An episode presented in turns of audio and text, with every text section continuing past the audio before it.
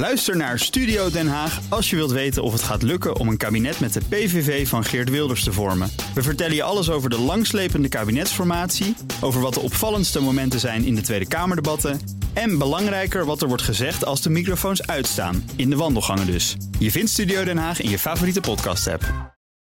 Scherp. BNR Nieuwsradio. BNR breekt. Ivan Verrips. Goedemorgen en welkom. Vanaf half twaalf praat ik over het nieuws van de dag. Over energiebedrijven die verwachten dat er een schuldengolf komt... en zij vinden dat uh, hulp vanuit de overheid op zijn plaats is. En Zelensky die spreekt donderdag via een videoverbinding de Tweede Kamer toe. Voor het eerst dat een staatshoofd dat doet, anders dan het onze. En Rutte mag daar wel niet, wel niet, wel niet... uiteindelijk toch weer wel bij zijn. Ga ik over praten met mijn panelleden. Te weten vandaag Robert Verhul, vicevoorzitter van de JOVD... en Piet Rietman, econoom bij het economisch bureau van ABN AMRO. Goedemorgen allebei. Goedemorgen. We gaan beginnen met... BNR breekt.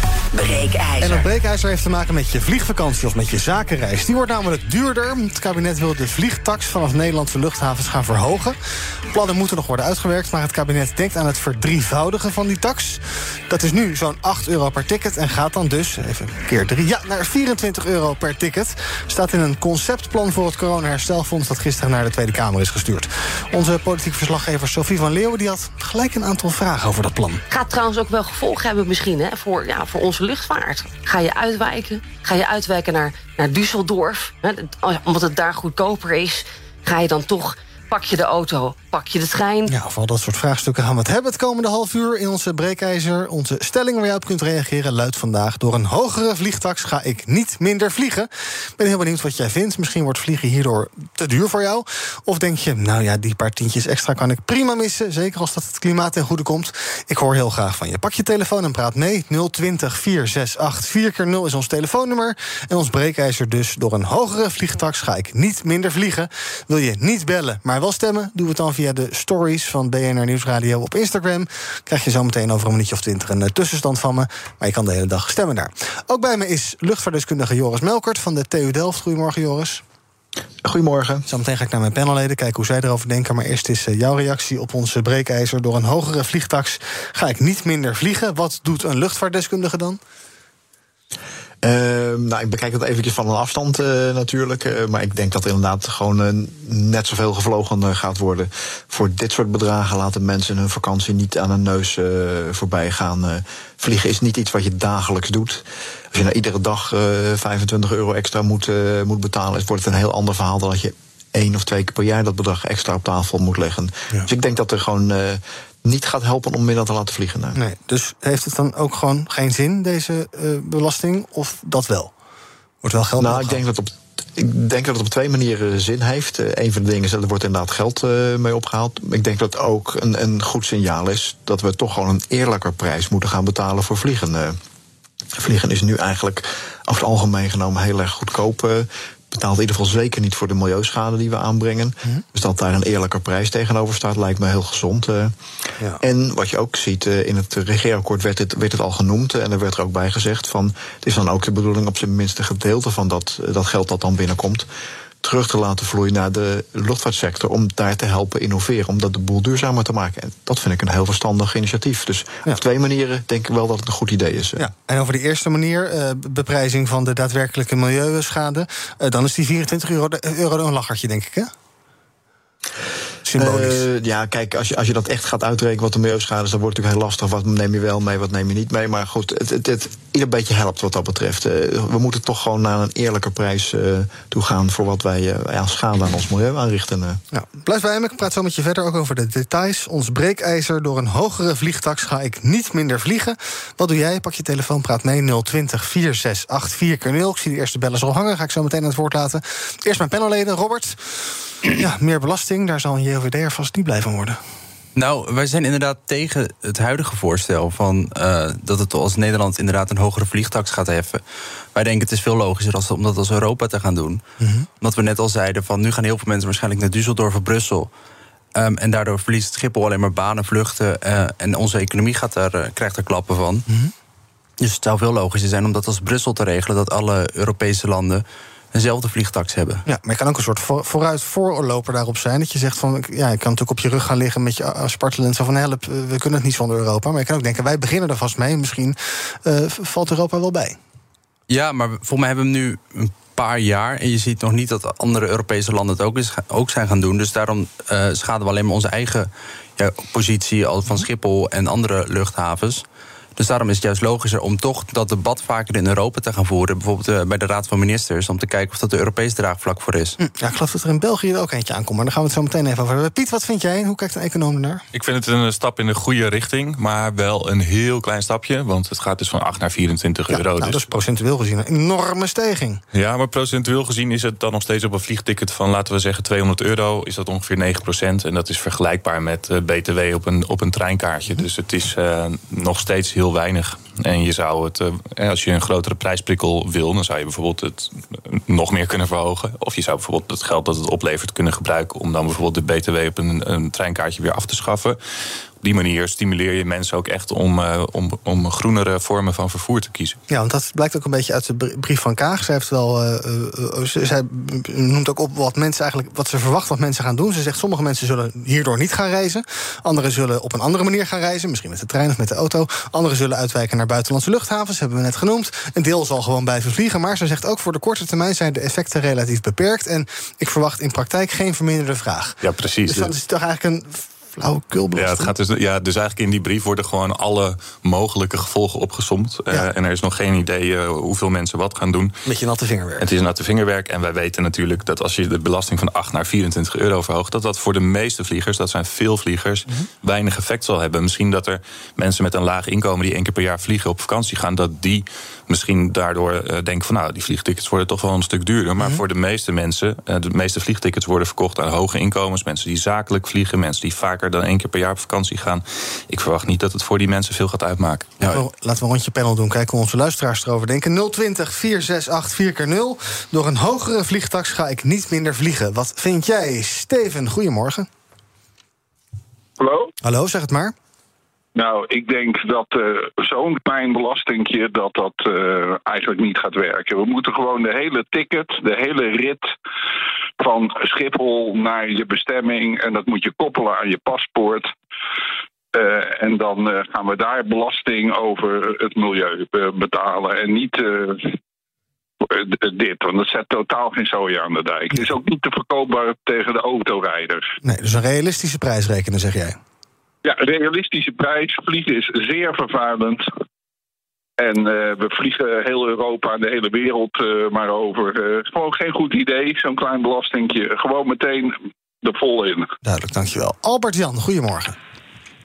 Ja, uh, ik, ik sluit me daarbij aan. Het, het, het, een druppel op de plaat. Mm -hmm. uh, iedereen blijft daardoor vliegen.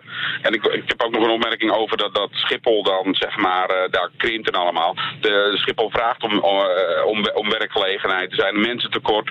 Dus Schiphol kan zich veel beter profileren op, op kwaliteit en op, op groen. Dan maar op de groei en, op, en om daar de omzet vandaan te halen. Ze kunnen veel. Dus ja alleen de lage inkomens, ja, daar moet je dan misschien wel iets voor, uh, voor gaan regelen. Compensatiepakket, denk ik zomaar. Wesley, goedemorgen. Goedemorgen, ben met de vragen. Hey, uh, ik, ik wil nog reageren op de stelling. Ik ben het eens met de stelling. Ik persoonlijk zal zelf niet minder gaan vliegen. Uh, maar ik vind het principe ook verkeerd. Op, dit manier, op deze manier wordt, wordt vliegen enkel mogelijk gemaakt voor de rijken. Hè? Uh, ik hoor net de voorgangers, de bellers spreken over een, over, een, over een hogere prijs die dan betaald zou moeten worden. maar dan ga je in feite heel veel ongelijkheid creëren. Dus ik ben het daar absoluut on oneens. wat ik wel vind, dat de overheid moet doen. En, en dat kun je Europa breed ook aanpakken. dat de toegankelijkheid toegankelijkheid bijvoorbeeld door met de trein te reizen veel makkelijker en goedkoper moet worden gemaakt. En dan wordt het ook interessanter. Bijvoorbeeld, ik ga dit weekend naar Londen. Ik ga met vliegtuig, omdat de trein gewoon twee keer zo duur is. Ja. En dan maak je toch de afweging, dan ben je er sneller met het vliegtuig, dus dan maar zo. Ja, exact. Ja. exact. Maar het, het, gaat voornamelijk om, om gemak. En iedereen, iedereen ik denk dat niemand uh, op tegen is tegen een schoon milieu. Mm -hmm. Uh, en om daaraan bij te dragen. Alleen ik vind dat je als overheid op deze manier op de verkeerde manier bezig bent door de rekening bij de burger neer te leggen. Dat, en ik denk dat je juist als, als overheid moet ontzorgen. En moet zorgen voor voldoende faciliteiten dat de burger op een andere manier kan reizen. Dan gaat die burger wel zelf de afweging maken om met, eerder met de trein te gaan of met het vliegtuig. Dankjewel. BNR breekt. Ivan Verrips.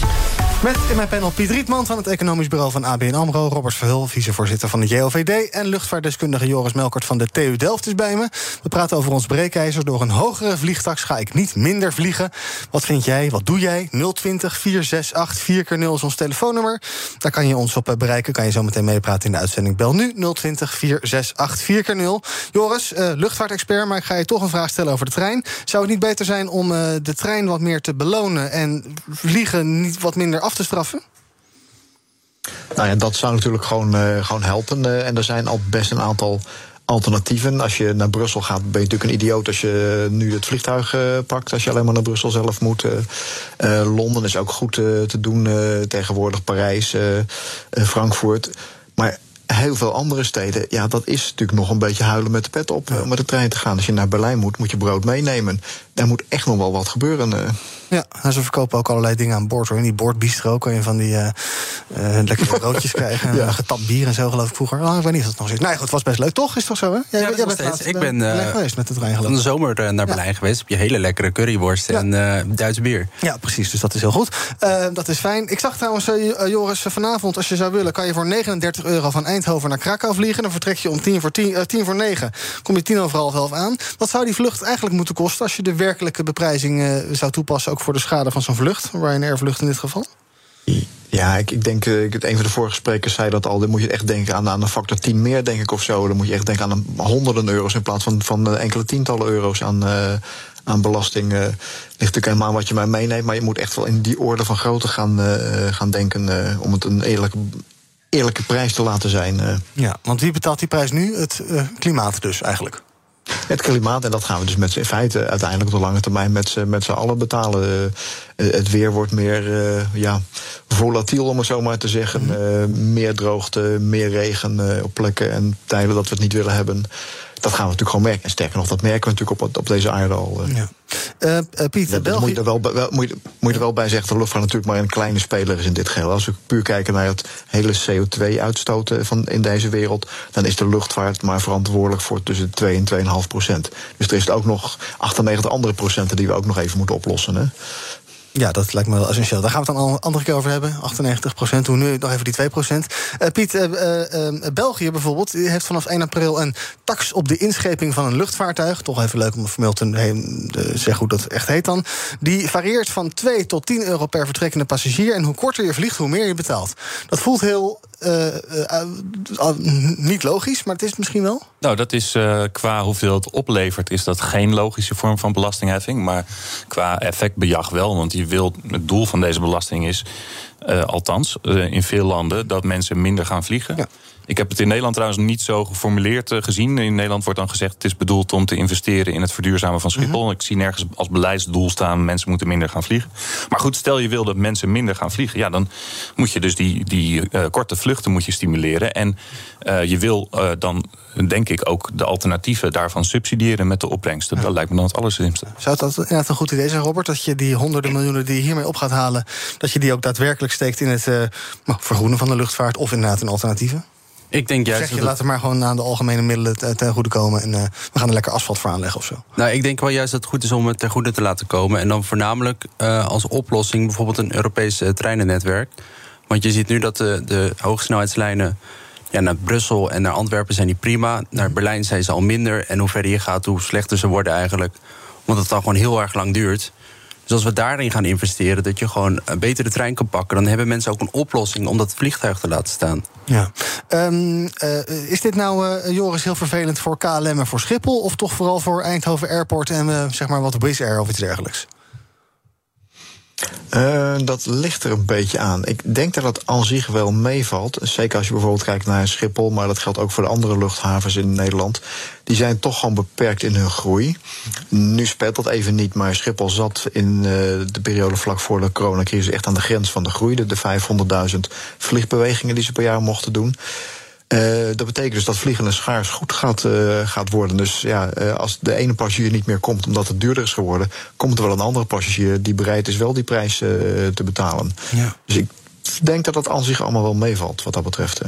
Piet, het eh, wordt vliegen dan inderdaad weer een soort luxe ding. Vroeger was het natuurlijk vl- vliegen luxe. Hè. We kennen allemaal de foto's van hoe je luxe aan boord zat... met mocht je lekker rook aan boord nog. Nou, na een tijdje waren we allemaal heel trots dat het eh, vliegen voor iedereen weggelegd was. En nu gaat het weer die andere kant op. Is dat, ja. Ja, nou ja, je, je kunt proberen natuurlijk om eh, maatregelen op zo'n manier te nemen dat met name hogere inkomens erdoor belast worden. Je kunt bijvoorbeeld en met die, met die vliegtax, je zou kunnen zeggen, je betaalt zoveel vliegtax voor je eerste vlucht in het jaar. En, eh, maar als je eenmaal eh, voor de zevende keer de vliegtuig pakt in, Naar in, Brussel. in 2022 naar Brussel, dan mag je misschien best wel eens 50% betalen in plaats van die 9. Hè. Dat, dat is misschien wel een logische maatregel. Misschien werkt dat en op die manier kun je lagere inkomens wat, eh, wat ontlasten. Maar goed, tegelijkertijd. ehm, het, is, eh, het, het zou volgens mij geen recht moeten zijn om de hele tijd het milieu te vervuilen. Mhm. Dat is natuurlijk de keerzijde daarvan. Hè. Dus we moeten ook weer niet doen alsof iedereen recht heeft om CO2 uit te stoten. Want, want dat is. En je het goed maakt met een paar euro eh. En je het goed maakt met een paar euro. Je zou kunnen zeggen, bepaalde, eh, een- een bepaalde mate van CO2 uitstoten of op bepaalde manieren zou helemaal niet moeten kunnen. Nou ja, dat is uiteindelijk een, een politieke keuze. Mhm. En eh, ja, dat kun je bereiken door iets aan die korte vluchten te doen. Ja. Robert, is het eigenlijk erg als we nou eh, als vliegen weer voor de rijken wordt? Ja, Laat arme mensen maar gewoon lekker met de, met de trein gaan. Nou ja, kijk, en dat is natuurlijk wel het probleem. Want je wil ook dat die eh, mensen die naar eh Jorette Mar willen in Spanje bijvoorbeeld ook gewoon. eh, Mhm. Heel lek- slecht bereikbaar met de trein. Ja, dat is niet goed bereikbaar met de trein inderdaad. Dat die wel gewoon nog op vakantie kunnen. Het is niet zo dat alleen eh, de middeninkomens of de hogere inkomens eh, lekker op het strand mogen liggen in Zuid-Spanje. Of Noord-Spanje, want daar Mhm. ligt Jorette Mar. Maar ook. ehm, dat ook die mensen inderdaad die de hele, het hele jaar hard gewerkt hebben... en die ook gewoon die zuurverdiende vakantie willen hebben... dat ze ook gewoon lekker in de zon kunnen liggen. Ja, we gaan nog even naar wat eh, bellers die reageren op ons eh, breekijzer. Eh, door een hogere vliegtax ga ik niet minder vliegen. Als je nog wil reageren, moet je wel echt nu je telefoon pakken. 020 468 4 keer 0 bellen. Dan praat je zo meteen nog mee. Even kijken wie daar het langst hangt te wachten. Henes, goedemorgen. Ja, hallo, met Koers heen spreek je. Zeg maar. Eh, we gaan wel minder vliegen. En waar jullie het net over hadden, dat klopt. Het wordt weer een feestje voor de rijken. De elite kan vliegen en Jan met de pet moet thuis blijven. Eh, geef iedereen een eh, aantal mijls per jaar. Dus ook mevrouw Kaag, eh, dat zij eh 3000 mijl mag vliegen. En dat wordt opgeslagen ergens op Schiphol of in je paspoort. En dan na 3000 mijl ben je gewoon klaar. Dus iedereen gelijke monniken, gelijke kappen. En niet het vliegen duurder maken en Jan met de pet thuis blijven. Dat is weer een elitair feestje. En eh, daar hebben we er genoeg van Ja, in dit vliegbudget, land. vliegbudget dus eigenlijk. Ja, gewoon voor iedereen. op. Ook voor, ook voor Rutte en ook voor mevrouw Kaag. eh 3000 of 10.000 mijl. En dan is het op. En dan moet je thuis blijven of dan pak je maar de trein.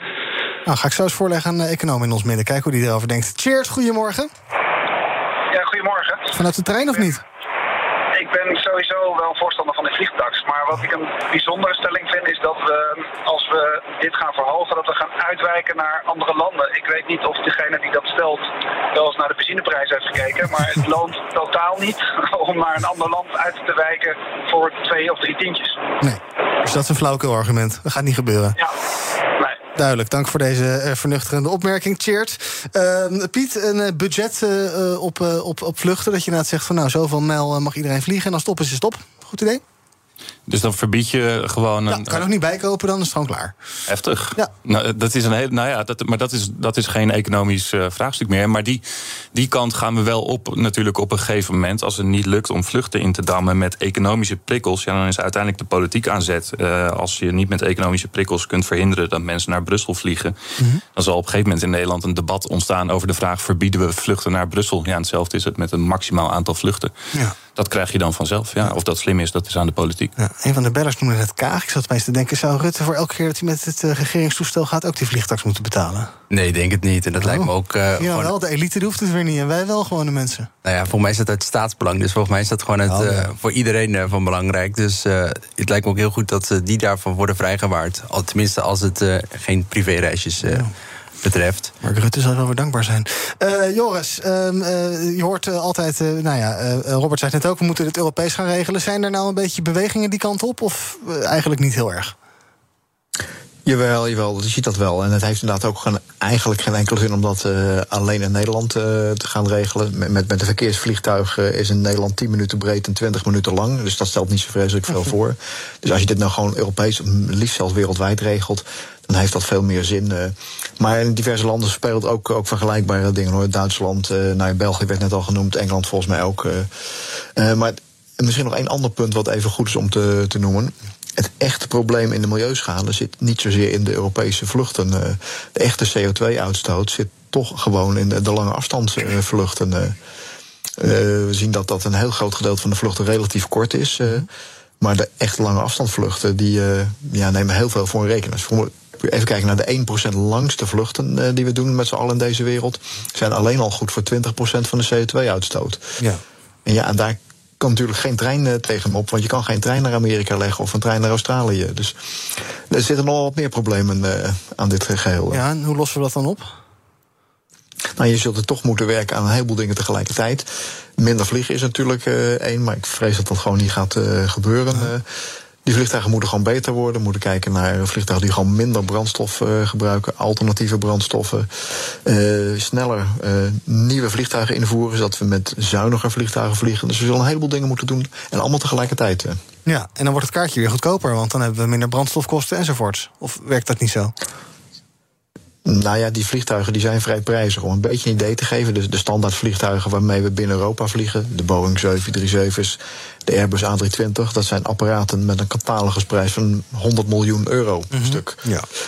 Dat zijn niet van die dingen die je zomaar even vervangt. En brandstof is natuurlijk een belangrijke post in het geheel, maar er spelen nog veel meer kosten mee. Ja, dan kan je van die vliegtax die opbrengst volgend jaar kan je dan zes van die toestellen kopen. Dat is dan wel weer leuk. Ernst, tot slot, goedemorgen.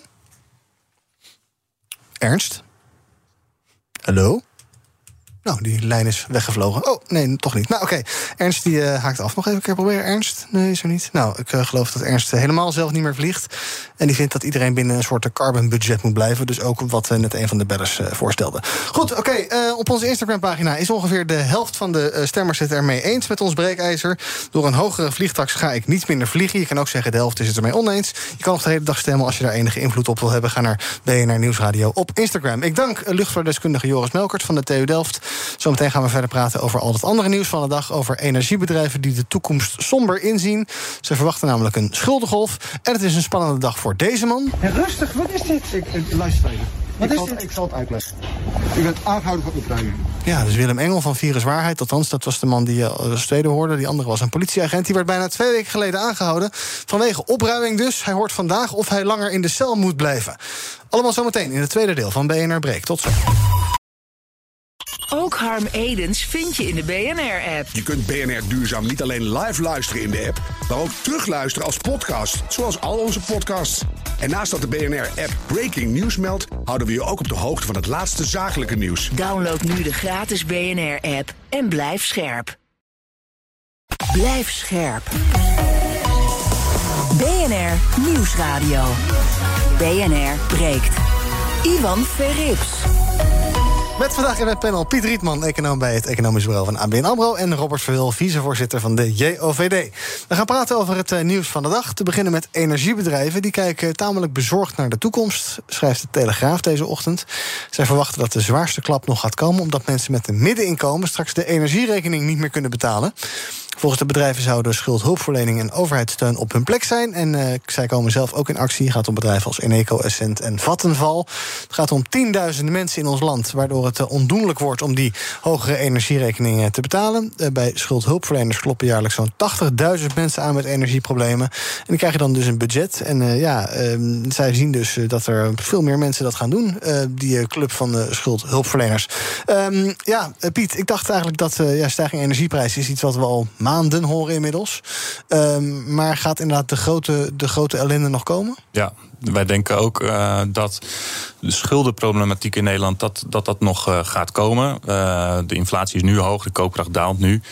Maar het duurt altijd even voordat mensen in de schulden belanden. Want eerst maken ze hun reserves op en vinden ze andere manieren om de rekening te betalen. Maar uiteindelijk, door een, door een sociaal-economisch probleem in 2022, raken mensen in de schulden in 2023, 2024. En ik vind het daarom ook slim dat die energiebedrijven aan de, aan de bel trekken. Ja, dat is een heel positief eh, signaal. Ze nemen hun maatschappelijke verantwoordelijkheid. Ja, eh, wat doen ze bijvoorbeeld? Ze eh, wijzen op een initiatief om tips te krijgen als het gaat om energiebesparing. Onder andere kan je een energiecoach bij je aan huis laten langskomen. En ze wijzen ook huishoudens op de mogelijkheid om die overheidscompensatie van 800 euro voor sociale minima te krijgen. Is dat inderdaad wat deze bedrijven kunnen doen? Of kunnen ze meer doen? Want ja, zij zijn natuurlijk ook aan de marktomstandigheden overgeleverd. Juist, ja, binnen hun taakopvatting is dit dit precies wat ze kunnen doen. Ze kunnen uh, iets met uh, budgetcoaching doen. Maar uiteindelijk is natuurlijk budgetcoaching niet de oplossing voor armoede en schuldenproblematiek. Schulden ontstaan als mensen te weinig inkomsten en of te hoge uitgaven hebben. Daardoor ontstaan schulden. Ja. En dat, dat zijn allebei dingen waaraan deze energiemaatschappijen binnen de manier waarop we het in Nederland geregeld hebben, niks kunnen doen. Hoe moeten we het probleem oplossen, Robert? Ja, dat is echt ontzettend lastig. Het is, uh, volgens mij is het echt nog het begin. Dus ik denk dat die prijzen nog alleen maar verder gaan stijgen. En het is ook nog eens een, iets waar je niet heel erg op kan uh, bezuinigen. Dus als je bijvoorbeeld hele hoge boodschappenkosten hebt... dan denk je, nou, dan koop ik wat minder A-merken... en wat meer um, AH-merken bijvoorbeeld. Maar dit zijn nou juist dingen waar je niet op verder op kan gaan bezuinigen... want deze prijzen moet je uiteindelijk maken... Dus ik denk dat het heel goed is bijvoorbeeld dat nu het kabinet heeft aangekondigd dat er toch wel een soort van compensatie is voor die mensen. Alleen daar vallen ook weer heel veel mensen buiten de boot. Voor mij is het nu 800 euro voor de, sociaal, ja. de uh, onderklasse. Maar als de mensen van de middenklasse, die uh, maken er alweer geen aanspraak op. Nee, precies, middeninkomens niet. Um, en uh, die 800 euro moet je ook zelf aanvragen bijvoorbeeld. Nou, niet iedereen weet de weg naar de gemeente te vinden voor dat soort zaken. Zou je dat niet makkelijker moeten regelen? Dat het automatisch uh, wordt geregeld? Ja, maar ik weet ik heb ook heel veel berichten gehoord over de ICT van de Belastingdienst bijvoorbeeld. Dus ik weet niet of dat de overheid op dit moment dat aan kan. -huh. um, het is wel belangrijk bijvoorbeeld dat die energiebedrijven het, het, kenbaar maken aan die mensen dat ze hier recht op hebben. Um, en dat de gemeente dat ook gewoon. Want de gemeente staat toch wel, is de overheid die eigenlijk het dichtst bij de mensen staat. Ja. Dat ze daar ook gewoon, uh, bijvoorbeeld in de lokale huisbladen, daar uh, verhaal bij maken van uh, kom dit vooral ophalen. Ja. Uh, en je hebt hier recht op. Ja, ik geloof ook wel dat dit via de gemeente gaat. Maar die zeggen dan weer dat ze te weinig geld hebben om het allemaal uit te voeren. Nee, dat is natuurlijk een strijd die eeuwig doorgaat. Uh, overheidssteun is veel besproken, Piet. Uh, we zagen het met accijns op brandstof die omlaag gaan over een paar dagen. later nog de BTW op energie. Ehm, maar dat plust uiteindelijk de staatskas natuurlijk weer bij. Ja, dat klopt. Ehm, ja. Dus ja, ehm, uiteindelijk... ik zou bijna zeggen, er is nooit zoveel geld gegaan naar Rusland... vanwege het leveren van energie dan nu. Klopt. Nee, inderdaad. Dus we maken het, het afnemen van energie maken we eigenlijk uh, makkelijker. Dus dat heeft allerlei ongewenste neveneffecten zoals dit. Ja, en daarnaast is het ook uiteindelijk is het dweilen met de kraan open. Hè. Dus die 800 euro en die budgetcoaching, dat is natuurlijk allemaal wat je dan doet om het plotseling opduikende verschijnsel energiearmoede op te lossen. Maar ja, eigenlijk is dat geen plotseling opduikend verschijnsel. Want je, je moet je denk ik afvragen als door een plotselinge stijging van de energieprijzen mensen ineens in de armoede belanden, dan hebben dus een hele hoop mensen een hele tijd lang net niet in armoede gezeten. Uh, dus de, de, dit is niet de oorzaak, dit is de aanleiding. De oorzaak is dat er in Nederland relatief veel mensen net boven die armoedegrens leven en dat er dus bij de minste of geringste tegenslag moeten we hun koopkracht gaan repareren. Ja. Wat verstandiger zou zijn voor de lange termijn is om te zorgen dat de inkomens in Nederland wat gelijker verdeeld zijn. Dat is denk ik een betere oplossing. Ja, deze oproep ken ik van jou. Ja, dat zeg ik wel eens wat vaker. Nee, nou, misschien moeten we het eens gaan doen. Dan. Ja, nee, precies. En uh, voor de korte termijn, stel dat je in die schuldhulpverlening komt... dan kom je dus bij de gemeente terecht. Daar zit je een paar jaar in. Dan krijg je een uh, klein budget elke maand. En de, na een tijdje wordt dan ook, uh, worden ook schulden weg, kwijtgescholden. Ja. Maar dat kan je natuurlijk ook niet oneindig gaan doen bij iedereen. Nee, maar dat gaat ook helemaal nergens over. De WSMP-trajecten heten dat. WSMP-trajecten, wets, wetschuldsanering natuurlijke personen. Goed. Ja, weet je, dan wordt bij het ene bedrijf, de energieleverancier en bij een verzekeraar, noem maar op, dan wordt er een, een voorstel gedaan over hoeveel er dan wordt kwijtgescholden en hoeveel er dan in drie jaar wordt afgelost. Dan krijgen die bedrijven 10% terug of 20% terug. Mm. Dus dat zijn uiteindelijk uh, schuld, uh, de hele schuldenindustrie is iets waar niemand beter van wordt. Dus mensen in de schulden worden er niet beter van. De bedrijven waar die schulden uitstaan worden er niet beter van. De economie of samenleving wordt daar niet beter van. Dus we moeten eigenlijk dat probleem aan de bron oplossen, denk ik. Maar dit is ook natuurlijk echt wel een soort noodrem. Als mensen in dat traject zitten, is het eigenlijk al veel te laat als ja. er heel veel mensen in gaan zitten. We moeten ervoor zorgen dat mensen voorkomen dat ze erin raken. Dus, maar dat is natuurlijk nu ontzettend lastig, want uh, die prijzen stijgen ook gewoon. Ja. Dus of de overheid moet er heel veel op gaan bijleggen. Um, of die prijzen blijven alleen maar verder stijgen. En het probleem is bij de wortel aanpakken in plaats van nu uh, bij de uitwassen. Um, donderdag, dat is overmorgen al, spreekt uh, de Oekraïnse president Zelensky de Tweede Kamer toe. Nederland is, uh, nou, ik zou bijna zeggen, eindelijk aan de beurt in een reeks van toespraken die de Oekraïnse president geeft om ja, landen om steun te vragen. Mark Rutte had er graag bij willen zijn. Nee, ik heb dat wel gevraagd aan de Kamer. Of mag ik daarbij zijn? Maar de Kamer zegt, we willen dat echt als Kamer doen. Dus ik ben daar niet bij. Ik probeer hem op een andere manier uh, te volgen. En ik begrijp heel goed dat de Kamer zegt... we willen dat echt even als Kamer doen. Ja, begrip dus uh, van Mark Rutte gisteren via een Instagram-sessie uh, zei hij dat. Maar nu mag hij er toch weer wel bij zijn. Kamervoorzitter Vera Bergkamp laat deze ochtend via Twitter weten... dat zij Rutte heeft uitgenodigd dus, de minister-president... maar ook de minister van Defensie en de minister van Buitenlandse Zaken te gast. Ehm, Robert, raar dat eh, Rutte daar überhaupt niet bij mocht zijn? Of snap je wel dat het een. eh, snap je net als Rutte, die moet dat natuurlijk ook zeggen, dat het een Kameraangelegenheid is en dat het kabinet maar even een eigen eh, feestje organiseert? Nou, ik vond het heel gek dat hij niet welkom was. Want ze hebben het aangekondigd. Het is een plenair debat in de plenaire zaal. En in de grondwet staat dat een minister altijd mag meedoen aan de beraadslaging in- met een plenair debat. En volgens mij is het juist ook iets waar mensen reactie van willen op het kabinet. Want daarna, nadat die toespraak is geweest, gaan de Kamerleden ook nog in debat met elkaar van wat heeft hij nou precies gezegd, wat moeten we daarmee? Dan is het juist nuttig. Want de minister van Buitenlandse Zaken is er ook bij. Dus het is alleen maar goed dat, dat hij erbij zou zitten. Dus zodat hij ook live hoort wat eh, Zelensky zegt met de emoties die erbij komen. Ja. Eh, Denk je ook, Piet, dat het verstandig is dat eh, nou ja, het toch een soort eh, eenheid uitstraalt? Dat je daar met, met parlement en kabinet zit om dat, om dat aan te horen en aan te zien. En dat niet Rutte daar weggepest is omdat hij niet bij het parlement hoort. Oeh, ja, ik, ik heb niet zo heel veel verstand of een mening van, van hoe die mores in Den Haag dan allemaal lopen. Dus, dus dat weet ik niet. Alleen dacht ik wel toen ik het nieuws vandaag las van... goh, ik hoop dat ze in het buitenland dit nieuws niet lezen. Want Mhm. het is wel een beetje gênant als dan het staatshoofd van een bondgenoot... die in oorlog is, op bezoek komt en dat er dan zo'n discussie ontstaat. Ja, voor het eerst dat een eh, buitenlands staatshoofd de Kamer toespreekt. Het is natuurlijk ook, nou ja, ik mag het misschien niet zeggen, maar een beetje een hype. Hij gaat allerlei eh, eh, parlementen langs en bedelt daar om van alles en nog wat, om steun, om spullen. Ehm, eh, is, het een, is het een beetje een hype of doe ik het nou te makkelijk af? Nou, ik denk wel, ja. Het is natuurlijk ontzettend, ontzettend lastig. Want die man die wil natuurlijk dat verhaal. Dat is goed dat dat in de plenaire zaal ook wordt verteld.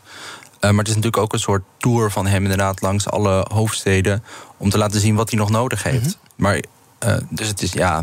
Ik denk dat het goed is dat hij het doet. En ook gewoon om nogmaals dat signaal aan Nederland over te dragen: van eh, we hebben echt nog jullie steun nodig. En het is echt nog niet klaar. Ook al neemt de media aandacht af. Ehm, maar uiteindelijk zal het denk ik niet heel veel uitmaken. Hij zal nog een keer een pleidooi geven dat eh, Oekraïne in één keer lid moet worden van de EU. Ja, ik zie daar in het parlement gaat er niet opeens een enorme draaiplaat vinden van ja, dat gaan we nu met z'n allen even regelen. Nee, en hij zal vast ook wel insp- inspelen op eh, dat wij eens wat meer moeten doen aan eh, hoe die oligarchen geld via Nederland eh, sluizen, eh, postbussen en dergelijke. Gaat dat iets bewerkstelligen, denk je? Zal het impact hebben als hij dat zegt? Of doen we een plas, deden we zoals het was en dat soort. Nou, je, je ziet wel gaat dat ook weer? We, je doet een plas en alles blijft zoals het was? Nou, ik weet niet meer. Ja, ja. we dronken een glas, we deden een Dank glas en alles bleef zoals het was. Fijn, Robert, dankjewel. Ehm, nou ja, ik, daar zie je wel echt een verschuiving ontstaan. Ik denk dat het heel goed is dat daar eindelijk stappen op worden gezet. Want eh, nou ja, de Zuidas is een soort eh, enclave van Russisch geld. Ehm, dus ik denk dat het goed is als wij als Nederland, want hier zit heel veel Russisch geld, dat wij daar juist een grote stap in gaan zetten. Dat we die mensen verder gaan aanpakken. Want wij, dat is nou een van de weinige die, nu, die wij nu wel echt kunnen doen. Ja, dus, zie jij dat er een gesternte komt, Piet, waaronder dat gaat gebeuren? Dat we dus eindelijk eh, die, eh, die postbussen gaan eh, opdoeken? Ja, ja, en ik denk dat het al wel gebeurt. Hè. Dus er wordt al heel lang wordt er over uitgebreidere sancties gesproken. Maar gebeurt het niet? En lopen andere Europese landen een beetje voor in sancties. Ehm, dus als je een Russische oligarch bent die op de een of andere manier eh, geld via Nederland laat stromen, dan heb je in alle de afgelopen weken uitgebreid de kans gehad om daar verandering in te brengen. Ja. Dus ik denk al dat er het een en ander aan het veranderen is. Ik ben ook wel benieuwd hoeveel geld er nog in Nederland is. Dat ze het niet ondertussen al naar de Cayman-eilanden of zo hebben verschuiven. Want Precies. die zijn natuurlijk met sancties eh, toch iets minder streng dan de, de Europese landen. Ja, tot slot van dit blokje. Jij bent eh, student militair historicus.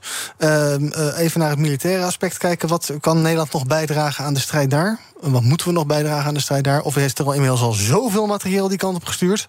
dat we daar ook wel wat terughoudend mee mogen- zijn? Nou, ik denk nog steeds dat die. Ze roepen ook nog steeds om wapenleveringen. En er worden nu ook allemaal eh, wapendepots ja, opgeblazen door Rusland. Dus ik denk dat ze dat nog steeds heel hard kunnen gebruiken. Ook munitie eh, en eh, raketten.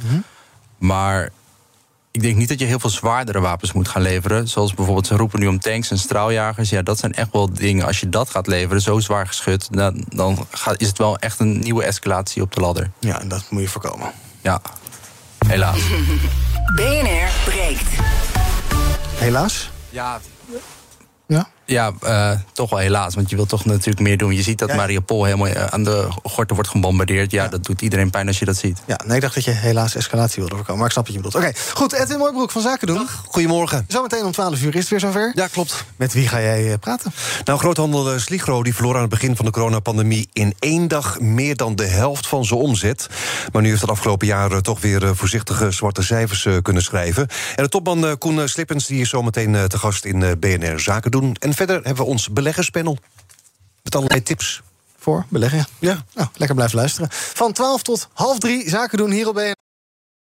Ook Liesbeth Staats vind je in de BNR-app. Ja, heel handig. Luister live naar Kees en mij tijdens de Daily Move. Dan blijf je ook gelijk op de hoogte van breaking news en het laatste zakelijke nieuws. En daar vind je ook alle BNR-podcasts, waaronder de Perestrooikast. Download nu de gratis BNR-app en blijf scherp.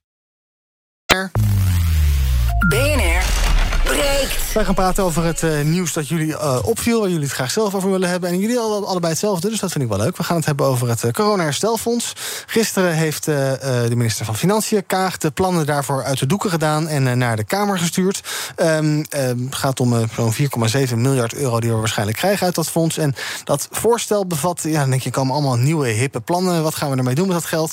Maar het bevat eigenlijk ja, maatregelen die we al kenden uit het coalitieakkoord... met hier en daar wat uitwerkingjes en het is nou niet echt dat je denkt van... goh, inspirerend, daar gaan we mee aan de slag, Piet. Of wel? Nou, ik vind dat er wel hele gave dingen in zitten. Uh, natuurherstel, windenergie op zee. Dus dat is ook uh, beide een eis van Europa. Dat er 37% geloof ik uh, duurzaamheid in zit. En Europa wil dat er innovatie in zit. En dan gaan we iets doen met kunstmatige intelligentie en kwantumtechnologie. Uh -huh. Dus dat vind ik wel heerlijk om dat te lezen. Want investeren in innovatie als overheid is bijna altijd een goed idee. Ja, en dan komt daarvoor in ruil dat ehm, Brussel dan met Nederland in gesprek gaat over welke hervormingen daar dan tegenover moeten staan. Dus we krijgen het geld alleen als er hervormingen tegenover staan. En uh, daar ben ik ook heel benieuwd naar. Want dat zijn over het algemeen wel goede ideeën die uit Europa komen. Zoals het verder afbouwen van de hypotheekrenteaftrek. Ja, maar die staat er dan maar niet bij, geloof ik, hè? Nee, dat wil Nederland dan niet. Maar dan gaat misschien Europa dat zeggen. En dan moeten we daarop reageren. Dus we zullen op de een of andere manier uh, wel moeten gaan bewegen met die hervormingsvoorstellen. Uh -huh. En ik ben heel benieuwd wat dat uh, voor effect gaat ja, hebben. Die vliegtax waar we het vorige half uur over hadden, valt hier ook een beetje onder. Als een soort hervorming die, die we dan indienen als een plan bij Brussel. flink document was het gisteren. Ik heb zitten doorbladeren met alle voorstellen en ook alle hervormingen die wij dan moeten doen. enthousiast over? Ja, ik denk wel dat er goede hervormingen in zitten. Dus inderdaad 37% voor uh, groene energie en ook nog wat voor digitalisering. Ik vind wel, we hebben hier een jaar op gewacht. Mm -hmm. Misschien zelfs langer ondertussen. Wij zijn het laatste land van de EU die dit uh, gaat indienen. En waar komen we dan mee tevoren? Met eigenlijk plannen die allemaal in het coalitieakkoord stonden. Dus ik had ja. misschien ook wel wat op nieuwe plannen verwacht. Maar die zitten er dan uh, weinig in. Maar de dingen die er dan wel in staan, ja, dat zijn op zich wel goede veranderingen die Nederland ook wel echt nodig heeft. Zoals bijvoorbeeld de woningmarkt. Ja, maar, maar je had wel een iets, groter, iets grotere blik, uh, iets gewaagder, grotere, grotere broek aan mogen trekken, wat jou betreft. Ja, ik denk als je dan een jaar wacht, dan verwacht je ook ja. wel wat. Inspiratie, uh, grote nieuwe ideeën. En als er dan allemaal dingen in staan die een half jaar geleden in een coalitieakkoord stonden, dan denk je ja. Waar heb je dit nou voor nodig? Waarom hebben we eigenlijk een jaar gewacht? Dat snap ik dan als econoom niet. Uh, die, die politieke logica erachter. Is het dan zo dat we uh, uh, ja, hoe moet ik dat zeggen? Dat, dat, dat we niet in het uh, regeerakkoord wilden hebben dat de hypotheekrenteaftrek verder afgebouwd zou worden. Is er daarom een jaar gewacht? Nee, het heeft er vooral mee te maken omdat het oude kabinet was natuurlijk, ja, dat liep af, die termijn. Dus ze vonden heel erg dat moet aan een nieuwe regering overgelaten worden. Er zijn echt wel grote stappen die gezet moeten worden. Dus dan is het niet goed als een, een, voor een regering demissionaire regering, dat is het woord, uh, die stappen gaat zetten. En toen ja, hadden we een formatie die niet heel kort duurde, maar juist enorm Best lang. wel lang duurde, ja. Best wel ja. lang. Um, dus ja, dat heeft toen heel lang op de plank gelegen. Maar we hadden toch ergens in het afgelopen jaar een signaal aan Brussel kunnen afgeven van hé, hey, wij willen ook geld uit die, uh, uit die pot. Want dat, dat is niet gebeurd, begrijp ik. Ja, nou ja, er zit gewoon een deadline aan. En voor mij moet het voor het eind van het jaar moet het rond zijn, anders is het geld weg. Um, dus die deadline halen ze wel. Maar uh, het land voor ons was Bulgarije. En die heeft het volgens mij in oktober of september ingediend. Dus er hm. zit echt wel een hele grote kloof tussen. Ja.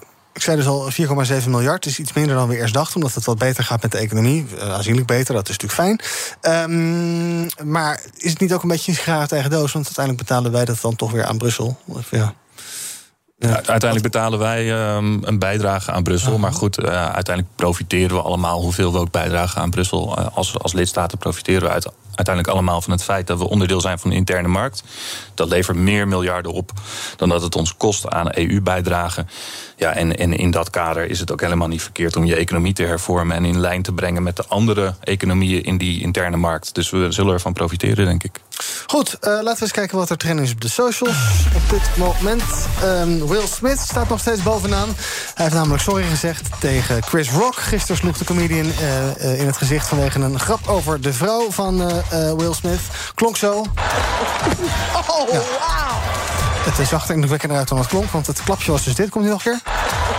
Ja, dat was het klapje. Smit heeft dus sorry gezegd via Instagram. Ik ging te ver en ik zat fout, zegt hij.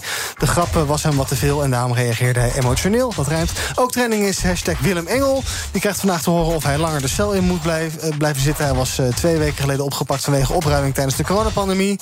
Ja, jullie zijn wel echt een beetje agressief. Ik bedoel, moet dat echt op zo'n manier? Wat Ja, is dit? Degene die erbij was die dat filmde, die vond het heel agressief. Terwijl, nou ja, het ging geloof ik wel mee. Het kan zijn dat hij nog 90 dagen langer in de cel moet. En nog iemand die vannacht vast zat was Ezra Miller.